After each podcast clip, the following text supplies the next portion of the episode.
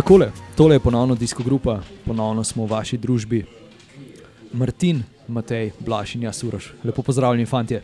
Živa. Živa. Zdravo. Uh, kot lahko vidite, se nahajamo eh, v Velo baru, kjer se je dobro uro nazaj zaključil kronometer, torej zadnja etapa uh, dirke po Italiji letošnje. Uh, presenetljiv zmagovalec ali ne presenetljiv. Omenjali smo ga sicer na začetku, ampak nismo vedeli, kaj točno pričakovati, uh, glede na to dvoletno dogajanje od uh, takrat, ko je na zadnje končal dirko po Italiji. Ja, um, nekako ta najožji krok favoritov Hinlija nismo uvrščali. Um, je pa dejstvo, da nekako se on v Italiji dobro počuti. To je pokazal tudi že takrat leta 2020 in letos uh, spet. Tokrat še malo bolj sovereno kot takrat. In, uh, ja, presenetljivo, ampak uh, smo, mislim, da lahko kar vsi veseli za njega. Ja, pa predvsem tudi sam je danes v, v intervjuju po sami dirki povedal, da je bilo tisti Giro, ki ga je v bistvu izgubil v zadnji etapi, v kronometru, nekako izkušnja za njega, da se je nekaj iz tega naučil in je danes, predvsem pa letos, na letošnjem Giro izkoristil vse, kar mu takrat mogoče ni uspel in premagal tokrat spet kolesarja Ineosa. Um, takrat mu to ni uspel. Je pa predvsem zanimivo to, da on pravzaprav v Bori, ne vem, če je bil niti prva, prva violina, vsaj, vsaj na začetku sam, samega Džira. Kaj ti vemo, da sta bila v konkurenci tudi um, Kelderman in pa Buhman.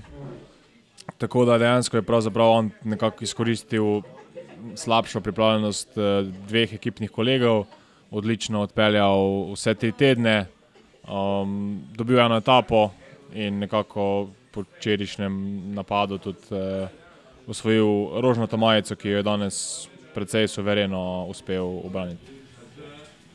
Matej, bi kaj dodal? Mene je v bistvu navdušila ta njegova potrpežljivost. Ne vem, je bila to potrpežljivost ali pač enostavno ni mogel prej zaključiti, ker sta bila toliko um, s karapazom izenačena. Uh, vesel sem pa tudi, da je zmagal kolesar ekipe, ki je, bila, ki je delovala ne, vse tri tedne, dosti bolj simpatično kot Ineos. Se pravi, so napadali, so dirkali tudi na etapne zmage, um, medtem ko je Ineos prišel s tistim enim ciljem, ki ga na koncu niso izpolnili in v bistvu šli prazni krok no, domov. Če pač rečemo, da je drugo mesto na Džiru, uh, ni dosežek, ne, ampak prišli so po zmago. Um, mislim, da so lahko kar razočarani, medtem ko bi Bora Hans Groje, tudi če ne bi uspel zmagati, vseeno bi se lahko pohvalili z lepimi etapnimi zmagami, pa predvsem se mi zdi s čednim derkanjem, ne, takim, ki nas je v bistvu navduševalo. Občasno tudi zastavljalo nam vprašanje, kaj se vendar grejo. Ne? Govorim o eh, pred, pred zadnji etapi, se pravi 19, kjer so um, cel dan vlekali, pa nihče ni točno vedel, zakaj. Ker ko bi najbolj morali um, razbiti derko, so enostavno odnehali. Um, vsi smo se sprašvali, kaj to pomeni za zadnjo gorsko etapo, ko bi verjetno zaradi tega ne bili bolj utrujeni. Um, ampak so izkazali, da so očitno dobro naredili, ne? glede na to, da je pogorel Ineos. Ne? Ja, Zdaj, večkrat je bilo omenjeno, da je ta zadnji, tretji teden v bistvu ena taka uh, dolgo izčrpavanje, ali kako bi temu lahko rekli. Nekako tako je tudi izgledalo, zdaj pač kdo je tisto preživel, pa včeraj, uh, kdo je še zmogel tiste, tistih zadnjih nekaj kilometrov, oziroma ajde, zadnjih pet kilometrov je bilo ključnih, uh, Jay Hindley, koliko, koliko cilja je napadel, se se ne spomnim V točno. bistvu, tam niti ni, ni napadel, Ja, v bistvu je ajde, samo, pospešil. samo stopneval je tempo ja. in polk je v bistvu videl, da je, da je Karapaz eh, ribno, je pač se je malo nasmejal. se nasmejal, pa pelil naprej, še malo hitrejše, kot Mislim, da kar- niti kakor prej. videl ni, da sem mu samo povedal, ne. Uh, in Ja, ja. ja, takrat je pohodil in je bilo res impresivno. Mislim, da se sploh ni nazaj ozrl. Mislim, je. da ne. Um, je najbrž kar užitek, ne, če nekoga tako streš. V tem trenutku uživaš v tem, čeprav se ti potem mogoče celo malo zasmilne. Ja, predvsem mogoče to, ker doben ni pričakoval, da se bo uh, Richard Carapaz strl. Vsaj ne na tak način. No. Uh, zdaj ne spomnim se, kdaj bi na zadnje on tako, kaj bi temu rekli, zaribal na klancu. Ja, v bistvu tudi lani na dirki po Franciji, sicer ja, pred Pogačarjo je zgubljal, ampak ni pa, da bi imel pa res kakšen dan tako krizo, oziroma da bi tok bil v težavah, kot je bil pa na včerajšnji etapi. No, tako da to od njega nekako nismo navajeni, tudi že tiste en prelaz pred ciljem ni izgledal najbolje, ampak vemo od Karapaza, oziroma je znan po tem, da zna tudi kar dobro glumiti, da zna um, mogoče malo igrati. Enega zaradi tega sicer ne marajo, ampak uh, to je v bistvu del igre. Uh, tako da to mu ne gre za meriti, ampak tukaj pač ni bil, ni bil ta scenarij, ampak je dejansko bil kar v hudih težavah. Um, tako da ja, na koncu se mu pač ni šlo. Bila je ena teorija, ne, da bi mogoče, da, da preveč na polno poskušal slediti, da bi bilo bolje, če bi šel naprej svoj tempo, izgubil manj časa in potem upal, da mu vseeno uspe nadoknaditi v kronometru. Tako je šel pač verjetno globoko v rdeče in potem krekno. Ker nekaj časa ga je držal na neki razdalji, ne, dokler ga ni odrezal in ne vem, sem bil presenečen, ker na lepem ga ni bilo nikjer več. Še Leonard Kemna se je mem zapeljal. Je, no, se zadnje še Landa ga je prehitev na Ja, koncu. Ne? Landa ga Ko je tako tem prehitev, odpadel, ne, tako in ne vem, če bi bil klanc še daljši, bi mogoče danes se Landa veselil celo drugega mesta. Ne. Um, ja. Ampak to so zdaj špekulacije, se ne vemo, kaj je bilo v resnici, ampak um, dejstvo pa je, da je pač dirkal Karapaz na zmago in um, kar je tudi prav ne, za tazga kolesarja.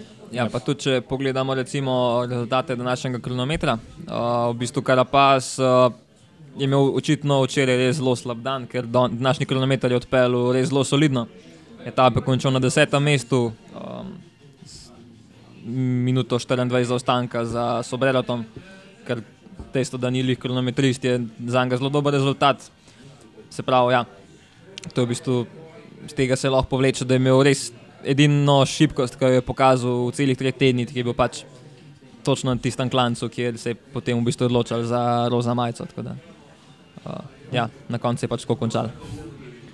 Sej že večkrat je tale klanec, eh, eh, kako bi temu rekel, razblinil sanje. Eh, tudi Zule je tukaj eh, roza majico, če se, če se prav spomnim, ampak to je zdaj že kar nekaj časa v preteklost. Tega se jaz ne spomnim, moram priznati.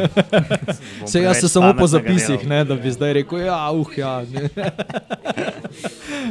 Ampak recimo, predvsem navezal bi se na Mateja besede o dejansko včerajšnjem um, temu zadnjemu sponu. Ja, Landa je v bistvu sku, skupaj s uh, Hugh Cartjem prišel okoli 40 sekund pred uh, Karapazom v cilj, ampak to niti slučajno ne bi bilo dovolj za drugo mesto v generalnem na koncu tu, uh, Gira, kajti danes je v bistvu kasiral, mislim, da več kot 3 minute, bil šele okoli 60. mesta in zdaj dejansko v, v generalnem zaostaja za Karapazom t- eh, minuto, več kot minuto in polno.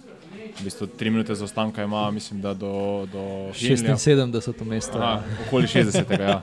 Ja, jaz kar skrolam dol in ga ne najdem. Kje si? Ja, mislim, mislim, da smo mi dva gledali z Urošem še v prenosu, da, da, ja, da je enostavno pa, pa pričakovano ponovno, Landa res ni kronometrist. In, um, če se spomnimo tistega kronometra v leta 2019, prav tako v Veroni, a, ko je bil interno bitko z Primožem za, za tretje mesto, takrat je recimo odpeljal soliden kronometer, je šlo v bistvu za sekunde, medtem ko danes tudi, če bi 25 sekund, mislim, smo se pogovarjali, da je bila razlika pred začetkom dneva proti Karapazu in smo nekako špekulirali, ali je možno, da je Karapaz včeraj res preveč šel v rdečo in bo danes plačal kazen za to.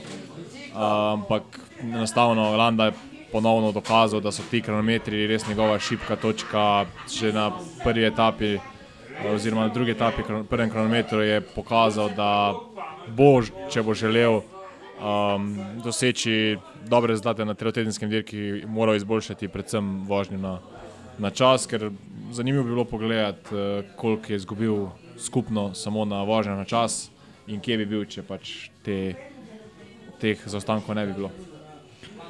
Ja, definitivno bi bil više kot, uh, oziroma glede na položaj na kolesu, uh, ne vem koliko je Domeniko Pacovivo izgubil.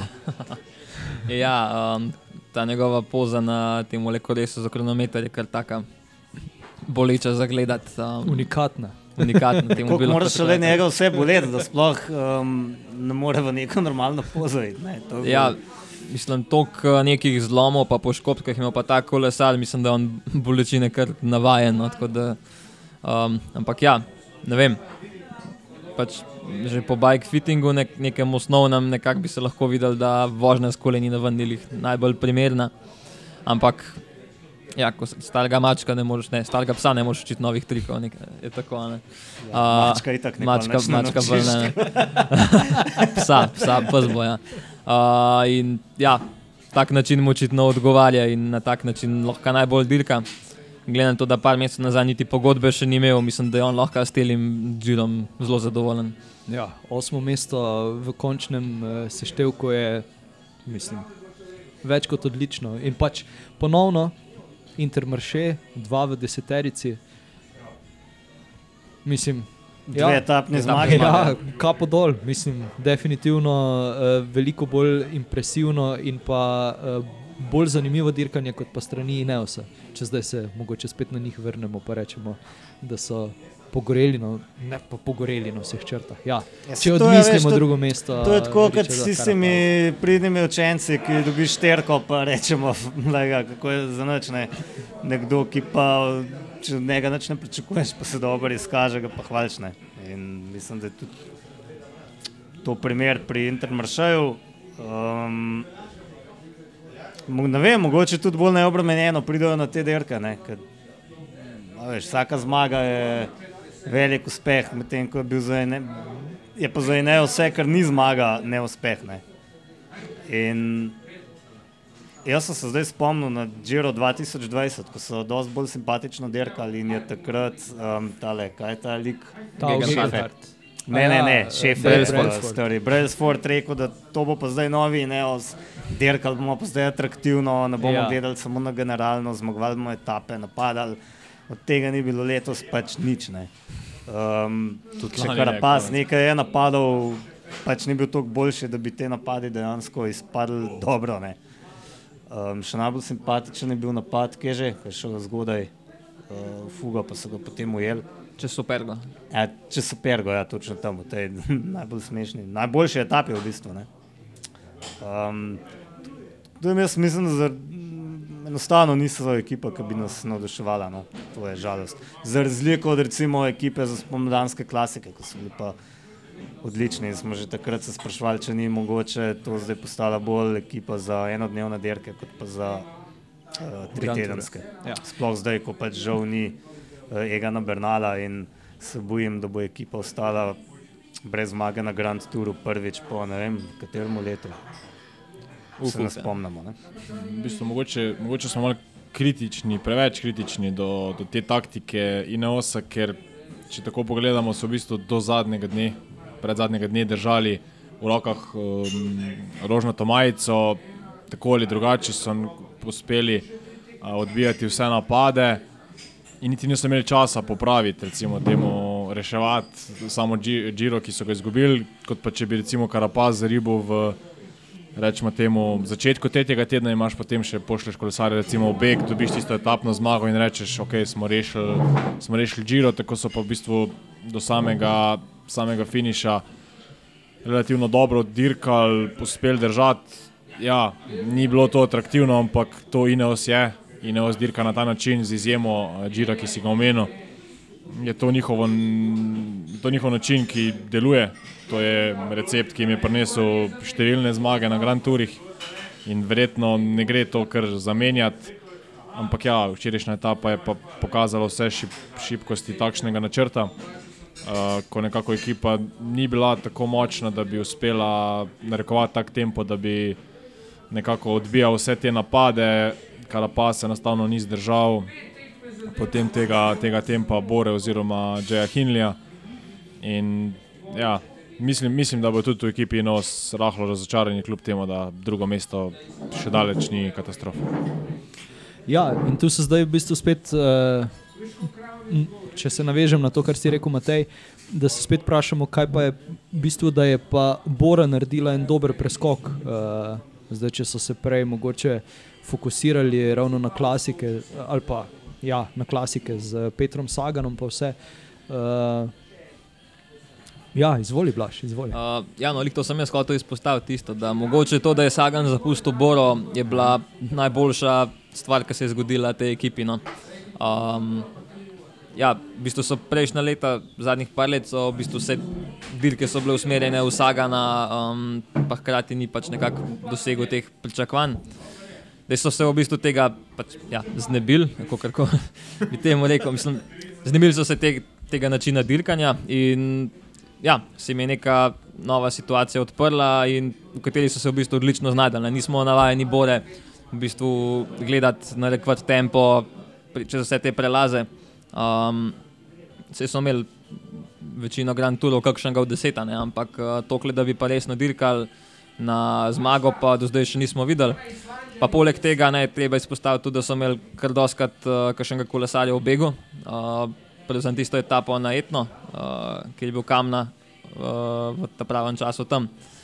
Um, tako da, ja, no, je, če primerjamo z Ineosom, je, dirkali malo bolj atraktivno, ampak uh, kot smo se že prej pogovarjali, kolesari pač niso tam zato, da dirkajo atraktivno, ampak zato, da zmagajo. Sicer je pa malo bolj mogoče nezanimivo za gledati, ampak uh, tudi take dirke pridejo. Ene so malo bolj zanimive, druge pač malo bolj. Mislim, ja, oni so seveda tam zato, da zmagajo in v bistvu vse podredijo temu cilju. Ampak kolesarstvo, kot smo ga gledali v času največjih uspehov, ne se preiskaja, postalo dolgočasno. Jaz mislim, da je bilo kar v krizi, da, da, da so ljudje začeli obupovati. Govorili se, da je tur grozno dolgočasno, derka, če to pa najdolgočasnejši Grand Tour. In v bistvu to dejansko kvari potem kolesarstvo na splošno. Sveda, ekipi sami ne moramo zameriti ničesar, ampak ko pogledaš širšo sliko, ne, je pa to lahko velika težava, ki jo zdaj ta mlajša generacija, k sreči, rešuje. Ne, ker, ne vem, so tako boljši sami po sebi, pač cel Ineos ne more nič proti Pogačarju ali Porogliču, če se odločita neko neumnost narediti. Ne. Jaz bi vseeno mogoče ena stvar, ki mi prva pade na, mi, na misel, ko se pogovarjamo o tem reševanju ugleda Tura ali pa Grand Tourov v smislu, da ena ekipa nekako ne more prevladovati na ta način, da naredi dirko. Nezanimivo, ti nekoliko bolj strmi klanci, kratki, ampak strmi, se mi zdi, da so ravno tone. Tisti epski prelazi so sicer dolgi, ampak je nekako naklon konstanten in tam se z nekim visokim tempom uh, da uničiti so konkurenco. Medtem ko pa ti klanci, ki se mi zdi, da zdaj prihajajo nekako v spredje, predvsem na turu, pa so pač dosti bolj atraktivni v smislu, da se lahko zelo na kratkem odseku naredi precej velika razlika. Ne? Videli smo Tadeja lani, ko je v bistvu na, na, naredil res velike razlike na, na kratkih klancih, to pa je nekaj, kar v bistvu Ineos enostavno popolnoma. Ne rečem temu, da zatira, ampak poleg tega, da ekipa ni več tako močna, kot je bila takrat, nimajo niti razen Bernala, kolesarja, ki bi bil na koncu tudi sposoben zaključiti uh, te akcije oziroma celodnevno narekovanje tempa, so tudi pomočniki, ne? niso več na takšnem nivoju, recimo v tistih časih Fruma sta bila recimo Vod Pols in uh, Kviatkovski pa uh, Kirjenka so bili res kolesari, ki so vlekli ta voz, uh, da ne menjam vseh ostalih. Nekako se mi zdi, da določeni kolesari so še vedno v ekipi, ampak ni več to njihova takšna forma in to je rezultat, da danes Ineos ne more biti več v bistvu tako dominanten, kot je bil takrat. Ja, vse, zdaj se o tem pogovarjamo zgolj zaradi tega, ker se je Karapazu to zgodilo včeraj, kar se je. Zdaj, mislim, odlično so ga vseeno pripeljali do, do teh zaključnih uh, kilometrov, tam Sivakov je spustil dušo, če tako rečemo. Zdaj, če bi tam pač Richard nadaljeval, pa mogoče pač ne bi Hindley zmogel njegovega tempa, bi pa danes gledali čist drugo sliko. Ne? Da, ne pozabimo, da ne pozabimo, da jim je manjkal Riči Port, ki je eno tudi, etapo prej odstopil zaradi probavnih težav. Um, ampak ja, na koncu je pač Derko zgubil, v bistvu Richard Karapaz, mislim, da niti ne Ineos. Ja. Imel je pač ta slab dan. Um, sem, mislim, ko smo se pogovarjali na WhatsAppu, da smo tako v bistvu ful veseli, ne, da je zmagal Hindley, ampak ob enem pa noben ne prvošč tazga Ja. Skoraj grotesk, grotesknega poraza, ne, kot se je recimo zgodil na še bolj krut način uh, Rogliču ne, pred dvema letoma na Turu. Um, ampak mogoče bi še to izpostavil. No, vem, nismo še debatirali o tem, da je bil Džiro, kar se tiče boja za rožnato majico, pač eh, pošastno dolgočasen v resnici. Absolutno. Pač vse, kar se je zgodilo, se je zgodilo včeraj. Um, vse so bili neki napadi, ampak ni prišlo do neke razlike. Nihče ni naredil eh, razlike na ta način, da bi nekdo drugega potem lovil, pa moral nekaj tvegati. Ne. Tukaj so se pač skupaj vozili in um, ja, očitno se nihče se ni mogel izdvojiti. ne.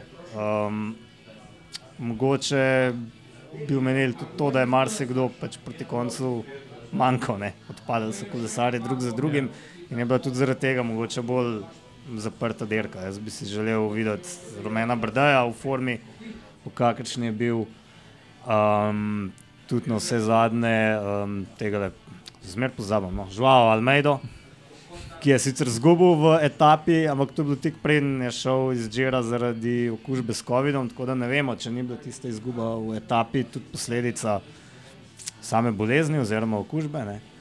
Um, to bi dosti bolj izenačili dirko, da ne, mislim, odprli dirko, no, tako bom rekel, jo naredili bolj zanimivo, da ne govorimo o odstopu uh, Miguela Angela Lopeza, že dosti na začetku dirke in tem stvar bila, ne vem, na koncu se trije gledali med seboj, ne, pri čemer je bilo dosti očitno, da sta najmočnejša Karapaz in Hindley. Um, Landa je mečkam sledil In šel na gotovo tretje mesto. in šel na gotovo tretje. Ja, a je šel? Ne, jaz mislim, da niti ne, vse je napadal, je poskušal. No. Mislim, da ni šel na gotovo tretje Ne, mesto. ki je bilo za Um, njega rezervirano. Ja. Ampak enostavno nihče ni mogel. No, in jaz sem včeraj že razmišljal, ok, imamo pa vsaj zadnjo etapo, kronometer, tokrat vsaj ne bo dolgočasen, ker bo ostale mehne razlike. In, da vem, če bi ostala razlika enaka, kot je bila do zdaj. Mislim, včeraj, če bi skupaj prišla um, Karapaz in Hindley, bi danes uh, Karapaz nosil rožnato majico. Ne, Točno tam to. v tistem amfiteatru v Veroni. Ne. Ja, zdaj, mislim, Jaz bi, jaz bi šel še mogoče korak naprej, ko si omenil, da ni bilo zanimivo dirkanje za generalno razvrstitev. V bistvu pravzaprav v nobeni razvrstitvi, če lahko temu rečemo, ni bilo resnega boja. Demar je precej, uh, precej uh, dominantno osvojil um, čeklamino majico, potem Kenan Bauman je, mislim, da je imel več kot 50 točk prednosti pred Čikonejem z dvema etapnimi zmagami. Čeprav tam je že kazal na nek dober spopad med uh, Baumanom in Čikonajem, ampak je Čikone potem takrat kar ne vem, kar crkno je sreda tape in potem ni bilo vse skupaj nič več Ja. od tega. Ampak ja, sorry, se da Ni- prekinu. Ja, in še potem, recimo, z odstopom uh, Žuava Almeide, v bistvu um, Lopes nekako stal sam uh, v pač razvrstitvi mladega kolesarja. Tako da najbolj zanimiva razvrstitev je bila v bistvu potem ekipna, ker naenkrat razvrstitev, za katero sploh mnogi pozabljajo, da obstaja. Tam sta recimo, da Movistar ne. Ja, uh, tam sta Bora, Bora in Bahrajn, v bistvu nekako potem, mislim, da je bila manjša razlika med ekipami, kot pa recimo med mladimi kolesarji. ne. Um, kar je precej bizarno, glede na to, če vemo, da pri ekipi štejejo trije in nekako. Ja, pravzaprav pogovarjali smo se o tem, lahko govorimo o dolgočasnem džiru. Uh, kar nekaj je bilo teh dejavnikov, ki, ki se niso dobro poklopili. Tako da, ja, želel bi si tudi v pač sprintu bolj zanimiv. Ne? Če gledamo, dobil je etapo Cavendish, dobil je etapo uh, Demar, dobil je Dejneze, uh, po eno sta dobila tudi Germaj in um, Vanderpolu, tistih nekoliko bolj pančerskih uh, sprinterjev. Gavirja je nekako izvisel. Um, tako da tu etapne zmage so se recimo dokaj por- porazdelile, ampak ja, Demar je enostavno bil najbolj konsistenten, dobil je tudi konec koncev tri etape, če se ne motim.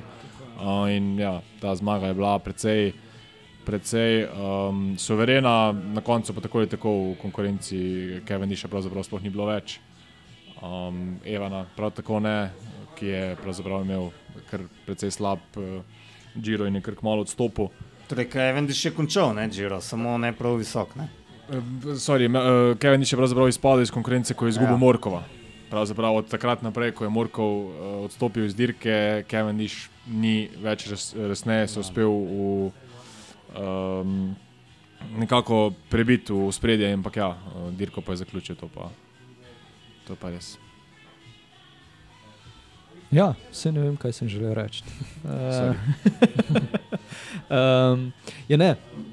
V bistvu, eh, tako, da, če nadaljujem s tvojimi besedami, da, da so bile velike razlike in vse ostalo, in da je bilo vse bo, bolj kot ne zapečateno, je mogoče tukaj še en, eh, ena statistika, ki jo Matej tako zelo obožuje. Eh, torej, kot smo že v lanskih epizodah povedali, pa mislim, da je bilo tudi trivia vprašanje, da so včasih podeljevali črno majico, torej za tistega kolesarja, ki je največ zaostal. Je tudi letos uh, bil podrt rekord, uh, mislim, da v zadnjih skoraj 30 letih, če se, nekaj, če se ne motim. No? Uh, in sicer Roger Kluk iz Lotus Udala je zaostal 7 ur in 13 minut. Pa 57 sekund, tako da 7 ur in 14 minut, če, če zaokrožimo. Uh, kar je, Bizarna številka, kar je ja. Ogromno. oddelavnik. Uh, in, in poslušal sem uh, njegovo izjavo, in je rekel, da je v svoji karieri že toliko naštudiral to, da včasih niti ne gre z grupetom, torej z disko grupo do cilja, ampak gre raje po svojem feelingu, ker točno ve, koliko mora. Mislim, zanimivo bi bilo zračunati, koliko je maksimalen čas, ki bi ga lahko zaustavil. Se pravi, če bi se štelo vse časovne A, zapore, ja, da ja, vidimo, Ja, ja, ja. Koliko Kol- je imel koliko še je imel bufferja? No, sej, to, Bomo- bomo točno, za, prebral. točno zaradi tega, če ne majici ni več, ker so tudi um, za, njo, za njo kolesari pol, uh, tekmovali in taktizirali, kdo bo bolj zaustal. Isto velja za rdečo laterno, če se prav spomnim, ne, da so v bistvu te dve nagrade pol uh, ukinili točno zaradi tega. No.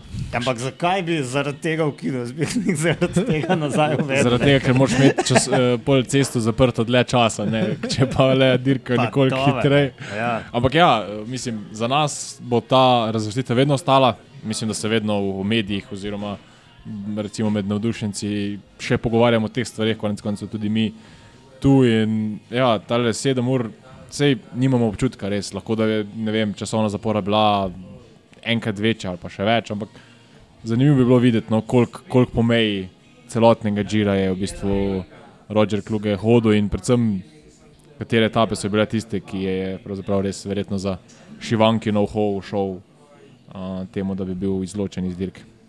No, se tudi uh, degenta sta tudi dirkala med sabo, nekaj cajt, bila tudi neka taka statistika, ne, kjer, kjer, Ja. kdo je najboljši degent na džilu.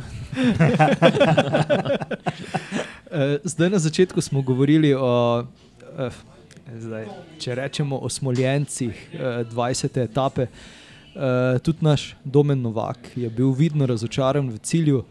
Eh, Za trenutek je že skoraj kazalo, da mu bo uspelo uh, ujeti. Um, čak, kdo je že zmagal, zdaj mi je iz glave padlo. Alessandro Eh, Covi. Covi, Covi. Sosa mi je šlo po glavi, pa sem vedel, da ni prav. So se še več zmagali. So se še hitro domov. ne, Ja, letos. uh, torej, Alessandro Kovi je zmagal, ampak ja, uh, koliko pol minute na koncu je zmanjkalo. Pol minute, dobro mu je šlo, res je tisti zaostanek za pero, mogoče še prehiter, mogoče se celo preveč zagnal, ne vem.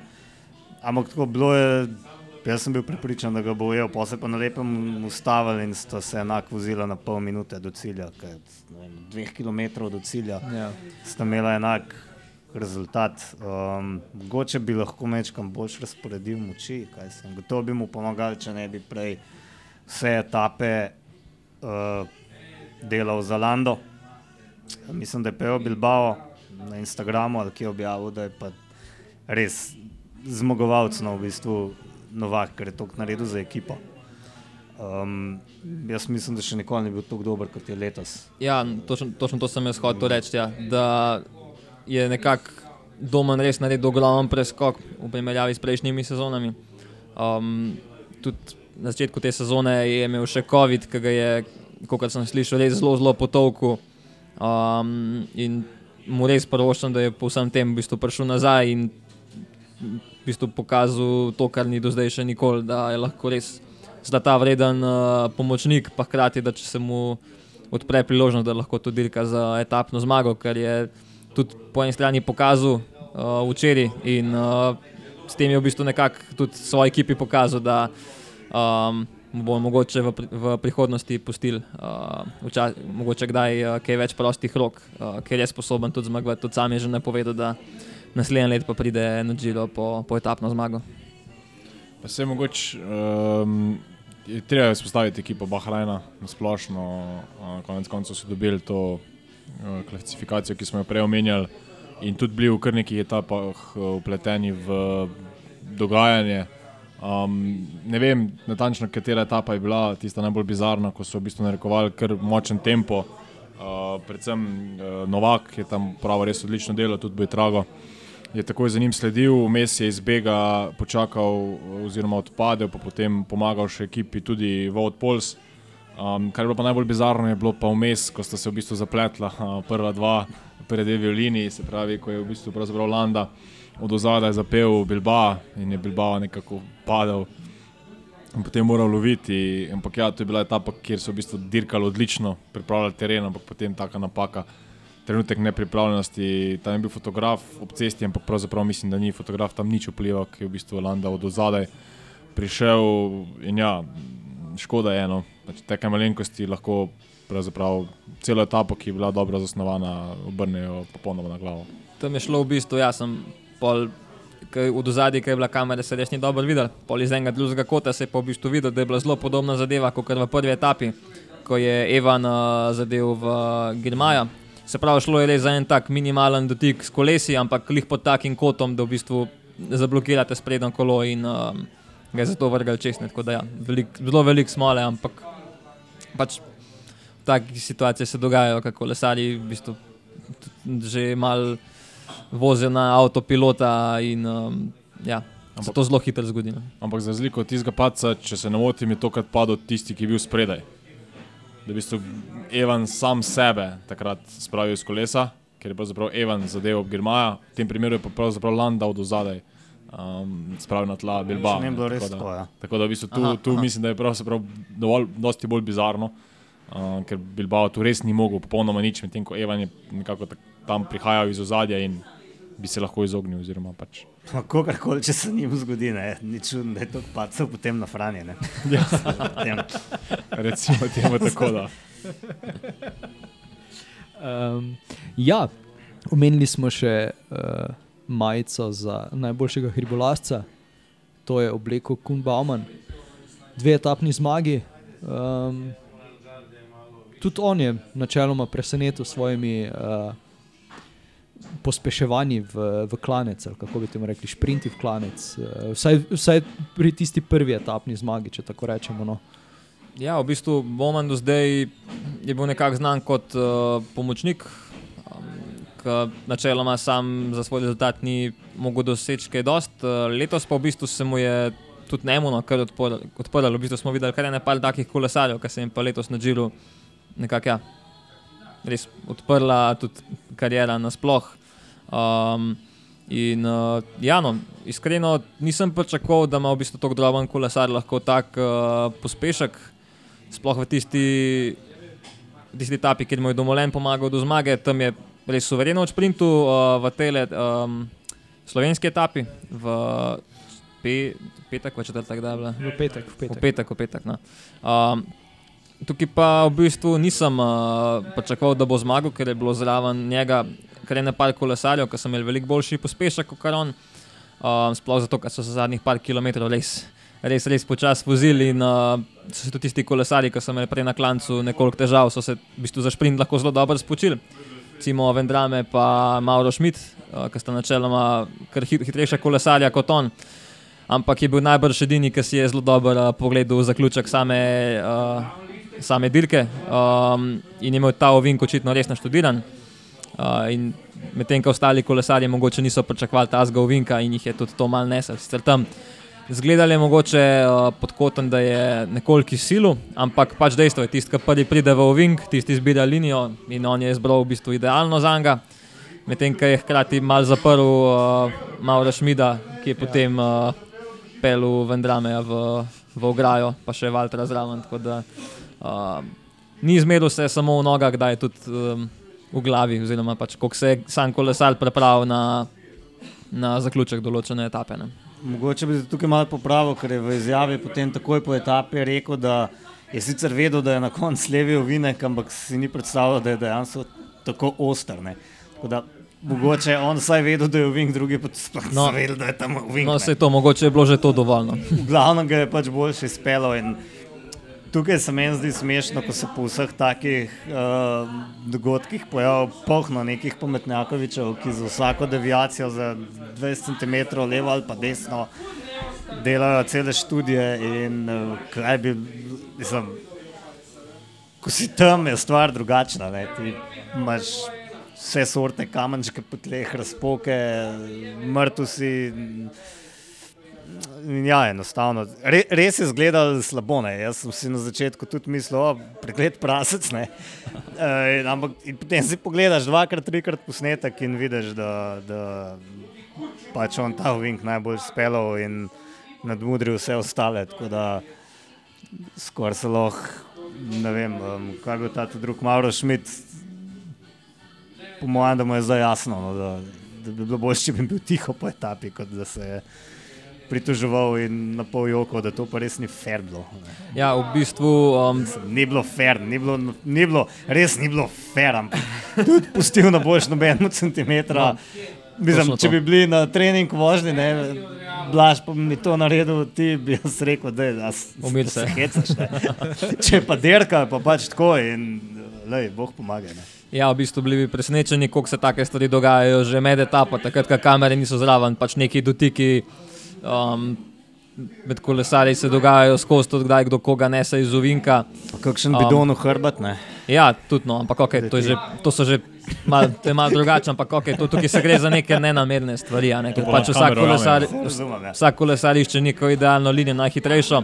In ja, no, mislim, v mladinskih dirkah v Italiji se dogajajo še stokrat bolj agresivne stvari, pa v bistvu se noben ne sekira, kaj je dosti zaradi tega. Tako da tukaj je bilo v bistvu vse čisto, čeprav ja, bojo pa neki uh, Twitter strokovnjaki vedno prisotni. Ne. Ampak to bi bilo zanimivo, če bi bil v samem zaključku zraven tudi kak kolesar ekipe DSM, ki je verjetno mogel pred etapo izpolniti kviz o samem zaključku in on bi pa več verjetno vedel, da je to tam vinek in bi bil bolje pripravljen, Če naredi domačo nalogo. Ja. Ja.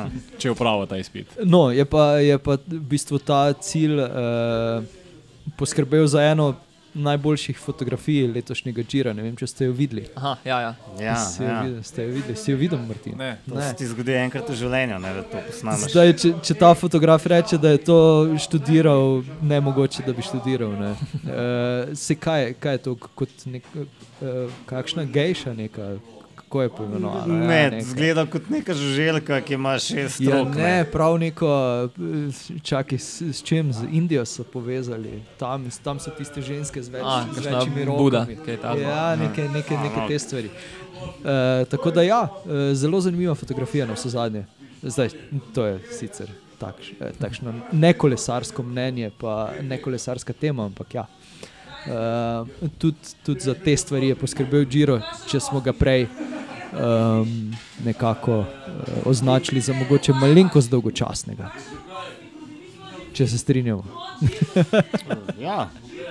ja, mislim, A zdaj iščeš fotko. Ne, veš, Ja, ja, okay. jaz gledam za nekaj drugega, o čem bomo mogoče še kasneje poklepetali. Upam, da boš dal to istočnico.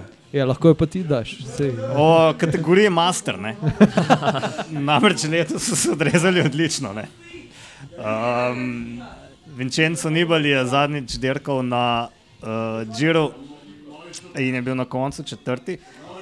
To sem želel reči, da, da sem si želel od njega mogoče več indicov ali pa želje potem, da bi, da bi na kakšni etapi uh, odprl dirko.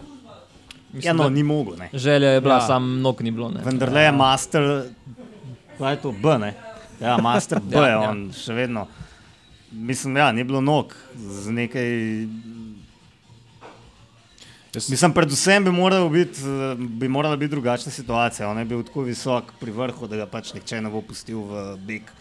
Um, ko so pa zraven vsi najboljši, pa pač ne more več zmagati, bog pomagaj. kar je Master B. Ne. To je ena stvar, ki je zdaj Matej odlično opisal. Recimo, če primerjamo drugega mastra, uh, Valverde je parkrat poskusil iti v beg, predvsem zaradi zaostanka mu je to uspel. Uh, na koncu tudi njemu ni nek etapni rezultat uspel, bil je blizu deseterice, uh, na koncu je za nekoliko ostal brez nje. Ampak predvsem Nibali je potem počasi z odstopi, recimo uh, Almeida in, in nekako slabšimi formami ostalih, lezel više, zaveda se verjetno, da nekako na, na eh, stopničke ne more priti, ampak vseeno tudi za kolesarje njegove starosti zaključiti Giro na petem mestu. Spet ni neka, ni neka katastrofa, in um, ja, nekako na koncu celo Na četrti. Bilbao je uspel premagati. Ja, um, zagotovo odličen rezultat. Če pa bi šel, recimo, eno etapo popolnoma rdeče, Um, mogoče ne bi uspelo mu uh, etapne zmage dobiti, kasiral pa bi tiste pet minut, ki bi na koncu, uh, na koncu pomenili to, da bi padel vem, na recimo temu sedmo, osmo mesto, kar pa vseeno je precejšna razlika, vsaj po mojem mnenju. Mi je pa tudi ob enem všeč, da ni um, igral na karto, ok, zdaj da bo meni etap izgubil pol ure, zato da bom boje potem pustil v beg. Se mi zdi, da je predober kolesar, da bi se šel take fore. No. Ja, ampak mislim, bilo pa po drugi strani zanimivo, ne? če pa bi se odločil za to taktiko, pa bi se znašel v begu na neki gorski etapi, ne, vem, recimo na tisti včerajšnji. A bi lahko dejansko, je to v dobri formi, da bi na koncu Kovija premagal. Ne? To bi bilo, to bi bilo zanimivo, ga postaviti v tako situacijo, ne? če bi se za to odločil. Ja, vse ne vprašam. Ja, ne, bi ga, ne, seveda bi ga. Ker pač se je vedno znašel pred njim v cilju, razen v tej Ja, ja, etapi. ja. Ja. Najbrž, ne. najbrž bi ga, ampak. Um, ja, je pa po svoje spet tvegano. Ne. Če bi to naredil, Ja, to je na koncu se lahko zgodi, nima niti četrtega mesta, generalno, niti, niti etapne zmage. Ja, ampak mogoče, če bi Um. zdaj za nazaj pogledal, ne, koliko uh, etap so v bistvu uh, je peloton pustil beg do cilja, Ja. ja. bi se mogoče uh, odločil za kakšen drug scenarij. Ja. Ja, še, še nekdo si je obupno želel eh, zmagati gorsko etapo, pa mogoče malenkost posnemati eh, Vauta van Arta. Ja. To je favorit za Ne, ampak najprej zaključimo z Ja, staro seveda, gardo, seveda, ne, ker seveda. um, Domenico Pocovijo je pa še dosta starejši, sprav 39 let in bo drug let master cene. Uh, in dan sem zasledil, da je najstarejši je uh, zaključil. kolesar v deseterici po letu 1994. 94, ja, 94, 24, 20, tako neka je, ja. bizarna, Ja, lej, ja, ja. pred Ja, ja, ja. vojno, drugo svetovno. Um, smo že prej govorili o njegovem slogu nesrečnem. Alejandro Valverde, ne, sploh absolutni rekorder po starosti, je bil pa 11, ne, na koncu, v bistvu mu je za Hughom Kartjem je zaustal minuto. Lope, so- Lopez, Lopez je bil deseti, če se ne motim. A, Danes- danes Ja. se je zamenjala. Um, a ja, mo, ja, ja, jaz ja, ja, na lobe gledam. Za tukaj, Juanpe veš, no. Lopezom je zaostal 4 minute, s- skoraj. Danes, Čakaj, danes, evo. danes, Zdaj ga imam. Tudi tukaj imamo malo Ja, ja, uf, ne, ne, ne, je- ja, ja, tudi jaz že malo slabo obvladam te- te tehnologijo. ne. Malo slabo vidim številke. A ja, ne, vse je kar dost faso. No, ampak le, bil je 11. Um, Matej je v bistvu celo, celo epizodo že gledal napačno na statistiko.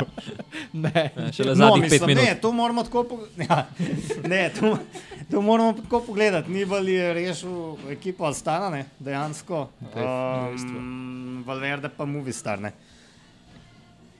Ja. In, in, in še to ne je dobro.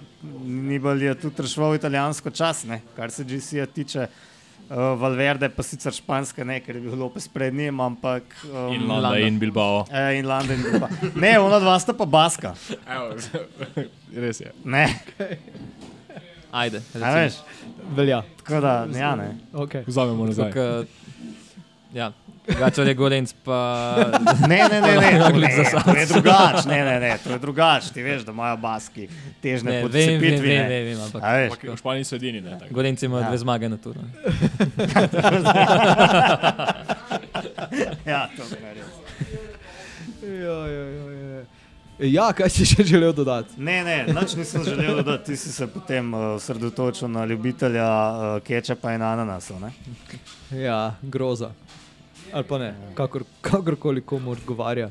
Uh, ja, Matthew Vanderpool si je grozno želel uh, zmagati gorsko etapo, pa grozno mu ni uspelo. Se, se, se mi zdi, da je v vsaki etapi kar precej, rečemo temu precej, dokaj hitro ugotovil, da ta etapa ni prava in počakal na naslednjo priložnost, pa potem v naslednji etapi ponovno šel v beg.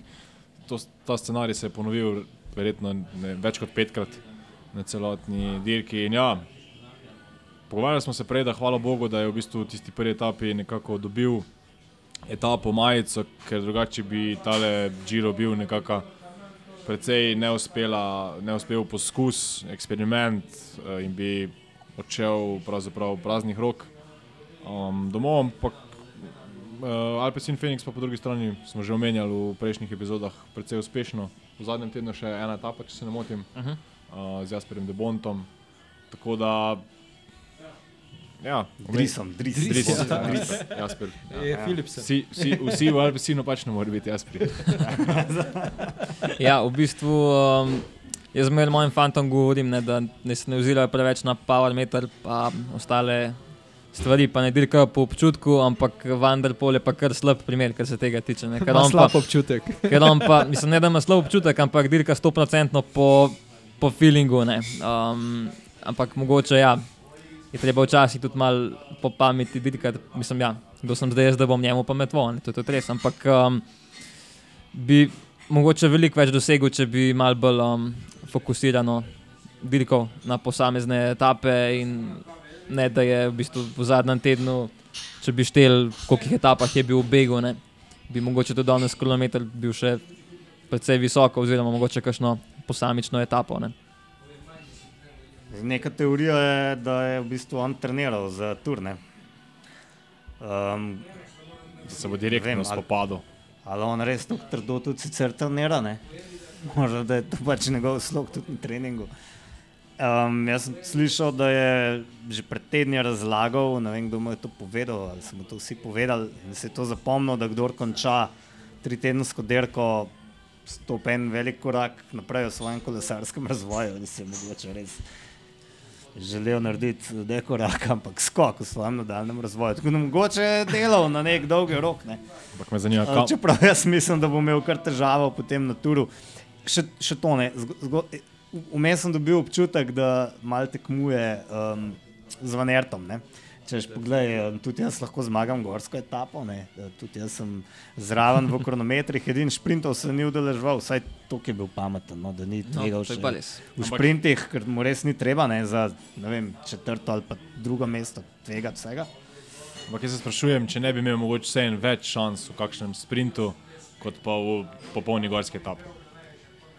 No, ja, ne vem, ampak pač ni hotel riskirati pa hotel še malo tekmovati z Vanaltom, kot smo rekli. Ja, mislim, da sprint je verjetno v preteklosti že dobil, medtem ko gorske etape res še nikoli. Ampak ja, predvsem etapa z Denezijem mi gre v glav, po glavi. Ja, ja. Tam v nekem scenariju, če se dobro znajde, je tudi on konkurenčen. Ampak ja, že od prve etape naprej, je v, oziroma od prve, po prvi, je v bistvu deloval kot tudi lead out. Takrat smo videli v tretji etapi, da je pravzaprav Roza Majica delovala kot lead out enostavno osredotočil se na druge, kot pa na sprinterske.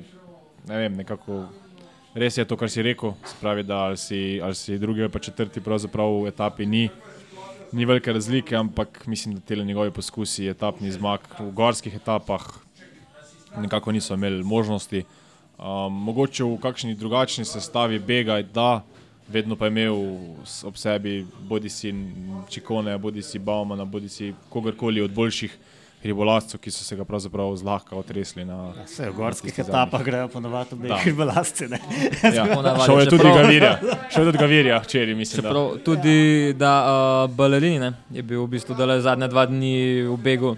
Ampak kot delavec, ne? kot On pomočnik, seveda. Ja. Najprej šmidu, pa včeraj vam se vrne. Ampak je pa svoje delo v bistvu pravo vrhunsko. Ja, ja. Treba reči. Um, no, smo pač pri spopadu Vendrpula in Vanerta, boste imeli pač v bistvu najboljšo priložnost na turu. Um, kamor Vendrpul gre, Vanert je pa napovedal, da bo dejansko dirkal za zeleno majico. Najbrž to tema za kdaj druge, če je to pametno, da imaš Pa sej to se, že, to se že sprašujemo pol leta. Ja, ne. ampak zdaj so dejansko to obelodanili, da pač tako bo. Ne? Želijo si zeleno in rumeno. Um, ampak ja, mislim, da nimamo danes dovolj časa. časa. Pa mogoče tudi nismo dosti pametni. No. No, Pametni smo vedno dovolj. čas, ne. čas. Ja. Bomo po turu, bomo pametni. To pa definitivno. videli, kako se bo izšlo. To pa definitivno. Um, ja, torej ta interni boj, oziroma ne interni boj, uh, boj med Vautom Nartom in pa med Vanderpulom bomo spremljali na turu. Um, Kar je že Blaž prej izpostavil, je bilo to, da je ogromno krat uh, uspel beg, uh, česar nismo uh, kaj, toliko navajeni, oziroma nismo toliko pričakovali na vse zadnje. Zdaj, tudi naše napovedi so sled temu, zaradi tega, ker ja, zdaj se pač smejemo, ampak jaz. Ko, pogledam, ko sem šel pogledat za nazaj naše napovedi, smo nekako pričakovali ta, ta boj eh, za generalno razvrstitev, ki se pač ni zgodil vse do včerajšnje etape, ampak tudi včeraj, na koncu koncev, se ni razplantel do te mere, da bi šlo za etapno zmago, ampak je vseeno prišel beg, pa kasneje pač smo dobili ajde dve dirki. Uh, ampak ja, ne- nekako je ta, ta zadnji teden res bil tisto. Dirka na izčrpavanje, ne moremo drugače temu reči. Doben si ni upal, ali pa pač ja, enostavno ni imel nog, da bi. Jaz mislim, da, naredil je tisto Neos tudi cvikal, da prid v finiš skupaj z Jajem Hindlem in so šli bolj na zihar, ker je Jaj Hindley, da bi lahko nabiral Verifikacija. bonifikacijske sekunde in se mu počasi odaljeval. Še malo ti mogoče samo zavest to potem načne. Um, je pa to ja, pač ta način derkanja, ki smo se že prej pogovarjali, ki res ni atraktiven in izpade. Če res zaradi tega niso lovili, ne, česar ne vemo, v bistvu ne, dejansko. Če je bilo zaradi tega, potem pa se res niso zmage. No, pomagaj. Pač derkaj na zmago, napadalno, ne pa um, pozicijsko, no, kot v prvi svetovni vojni, ko si v Jarku čakal, da te napadajo in potem si jih postrelil. ne. Mislim, Ni me bilo tam, da bi vedel. ja, si videl filme, ne, so grozni. Tudi tud na, ne tud na, tud na Žiru nas ni bilo, pa vse vemo.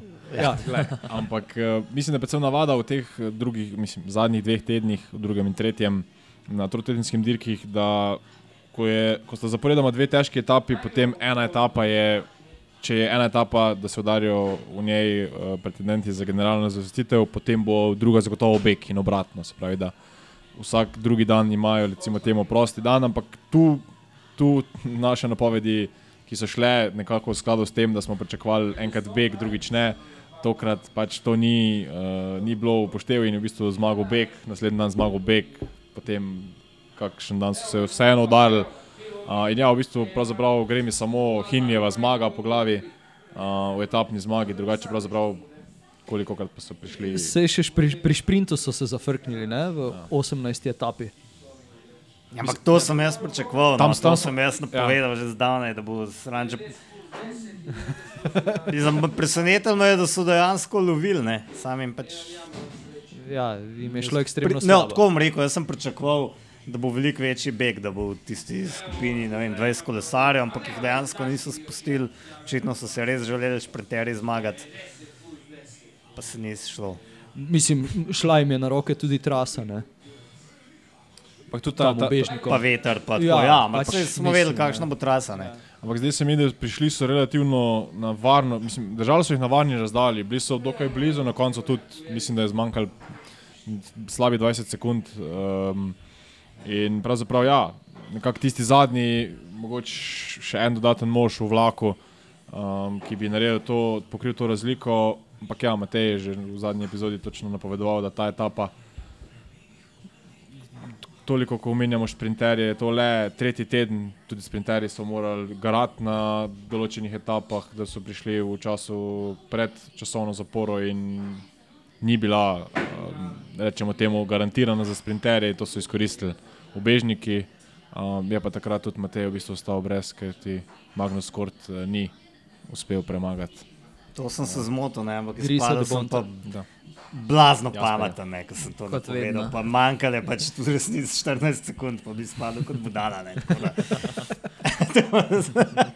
Ne, ampak mislim, ta, ta etapa je bila res ponovno tista, ko rečemo, to je Magnus Kort napisano z veliko začetnico in ja, nekako škoda res.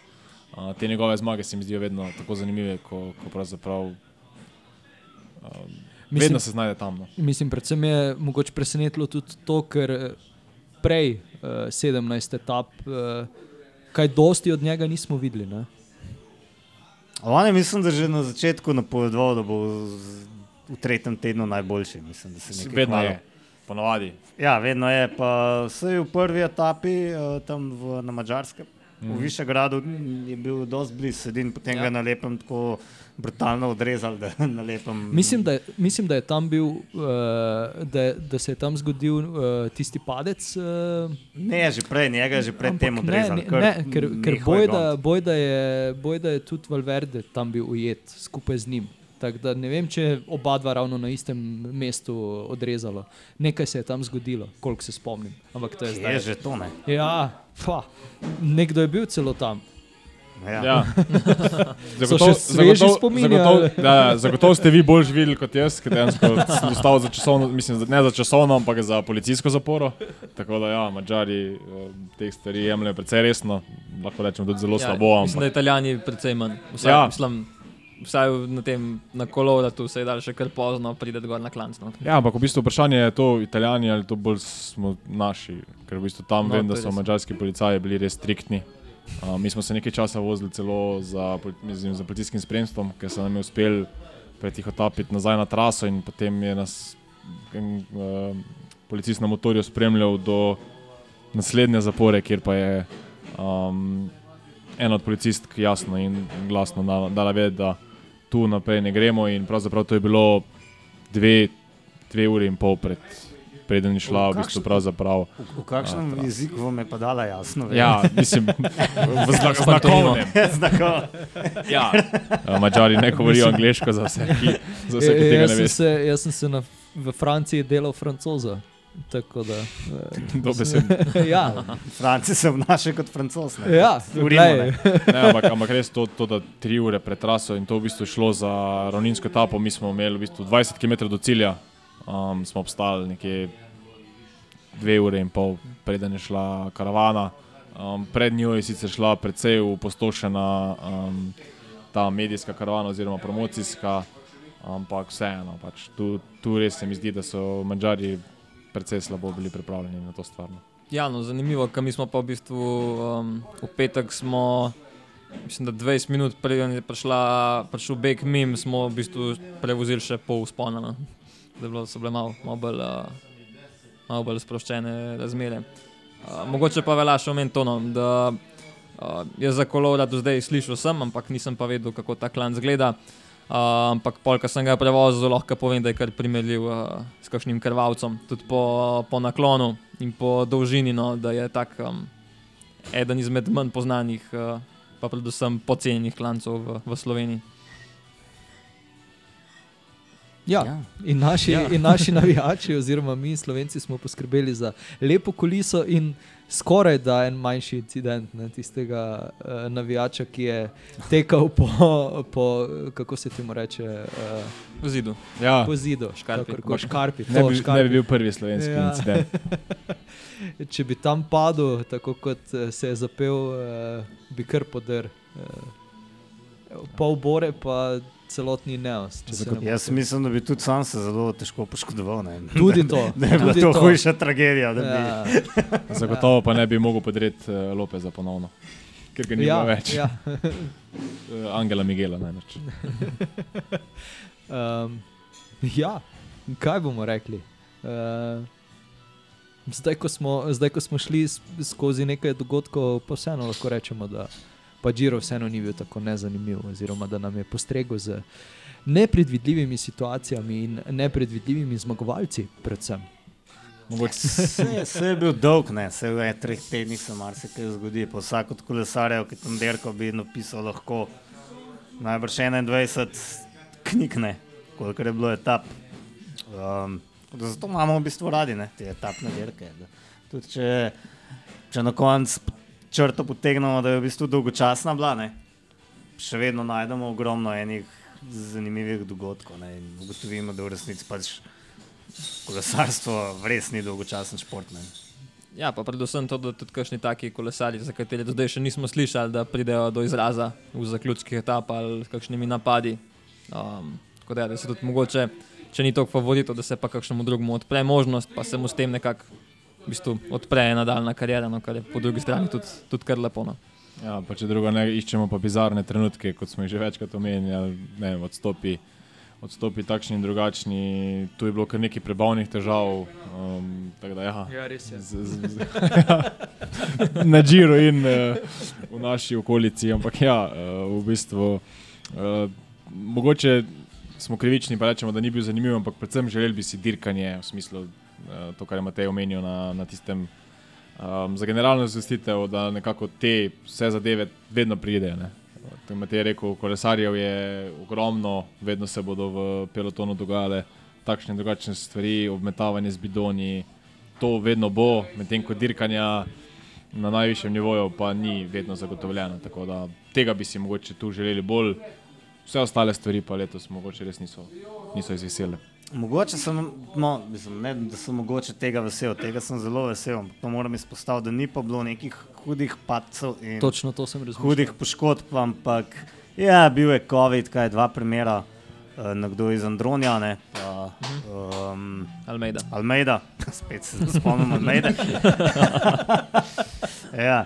Um, pa prebavne težave, ni pa bilo teh padcev brutalnih, ki bi nekoga oddaljili od derkanja za par tednov. Ne, tako da to je pa pozitivno in upam, da bo tudi na turu tako nekako uspel, ampak um, že zdaj vem, da ne bo tako žal Ja, na turu bo vse skupaj potencirano. Uh, potencirano in še progo se Ja. trudijo tako narediti, da pride do težav. Ne. točno to.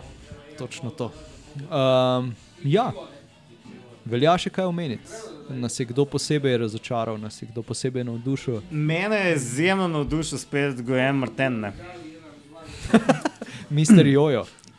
Ja, kako nam že rečemo, pač bolj razumem Mateja Vendrpula, kaj je počel, ker kaj je počel Marten, pa res za vraga ne vem, ker gre za ekipo, ki se bori za obstanek v, v World Touru in ne vem, mogoče bi bilo zanimivo pogledati, koliko uci točk so nabrali Ja, na tem uh, Džiru, po mojem, bore malo. Ne.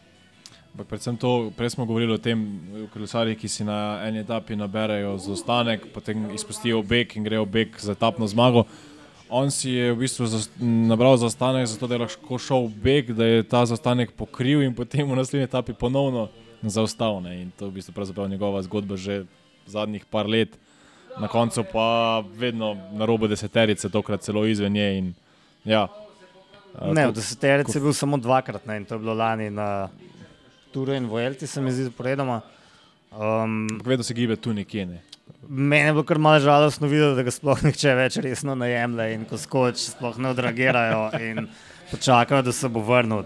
Tega res ne razumem. Ogromno se govori o njegovem intelektualnem potencialu, glede na to, da ima doktorat iz filozofije, ampak ne vem, mogoče do kolesarstva ni dobro, ki je dosti filozofirati, ampak Ja, ja, stati pri nekih osnovah. Tudi samega sebe je, je v bistvu spraševal, sam, sam sebe je spraševal, kako to, da je v eni etapi lahko konkurenčen ostalim, eh, v naslednji spet ne. Tako da ja, tudi on ima očitno uh, filozofske težave, kako bi temu rekel. Ja, Eksistencialne. V bistvu Ja, eksistencialne, ja. ne, ker je šlo za njegovo eksistenco v deseterici. Mogoče vča- mogoče včasih boljš malo manj razmišljati. ja, Ja. ja. definitivno. Uh, ja, to je to. Giro, prvi, prvi Grand Tour letošnjega leta je končan. Zmaga Jay Hindleya, na drugem mestu Karapas, na tretjem zasidran, uh, Mikel Landa. In uh, ja, to je to. to, je to. A smo še kaj pozabili zdaj? Še res Ne, ma, mislim, jaz mislim, da smo smo bili- kaj pozabili, ampak, Ampak vseeno smo kar neke stvari uh, povedali. a ne. Je tako. Drži, Zdaj so drži. pa na vrsti trivije vprašanja, tako kot ponavadi. Okay. Blaž, izvoli. Se nam otepali zdaj. Um, Ja, no, moje vprašanje je pa, kar se tiče Džeja Hindleja. Um, pa me zanima, um, koliko zmag ima on na evropskih tleh, če ne štejemo Džira. Jaz bi rekel, da je nima. Jaz tudi. Mislim, da je tudi to zgodba, da je nima. Ne? Točno to je zgodba, da je nima. Ja. Ja. Um, Je. je zmagal um, etapo na Džiru leta 2020, zmagal je etapo letos, pa tudi pač generalno. Ampak poleg tega on v bistvu nima nobene zmage na evropskih tleh, uh, druge. Uh, v bistvu ima osem profesionalnih zmag, če ne štejemo pač teh treh, ki sem jih naštel. Je zmagal še dve etape na Santuru in pa generalno, sicer v Avstraliji, uh, in pa etapo na Tour of Fužu in pa generalno Tour of Fužu v, na Kitajskem. Uh, tako da, uh, ja, uh, mogoče pa to začetek uh, zmag v Evropi v tej sezoni. Odlično. Martin, ti Mo- si se eh, kar. Mo, mo, moje vprašanje se v bistvu navezuje in malo strah me je bilo, da te mi ga bo tablaš, pa Uroš iz nekih razlogov že dvakrat danes uh, prekinila. In prej smo se pogovarjali, da je bilo res velik zmag uh, izbega um, na, tej, na, tej, uh, na letošnjem Džiru. Pa me zanima, če se kdo spomni točne številke. Uh, koliko zmag um, beg, izbega je bilo letos na samem Džiru? Dobro vprašanje. Um, jaz bi rekel devet. Jaz bi rekel deset.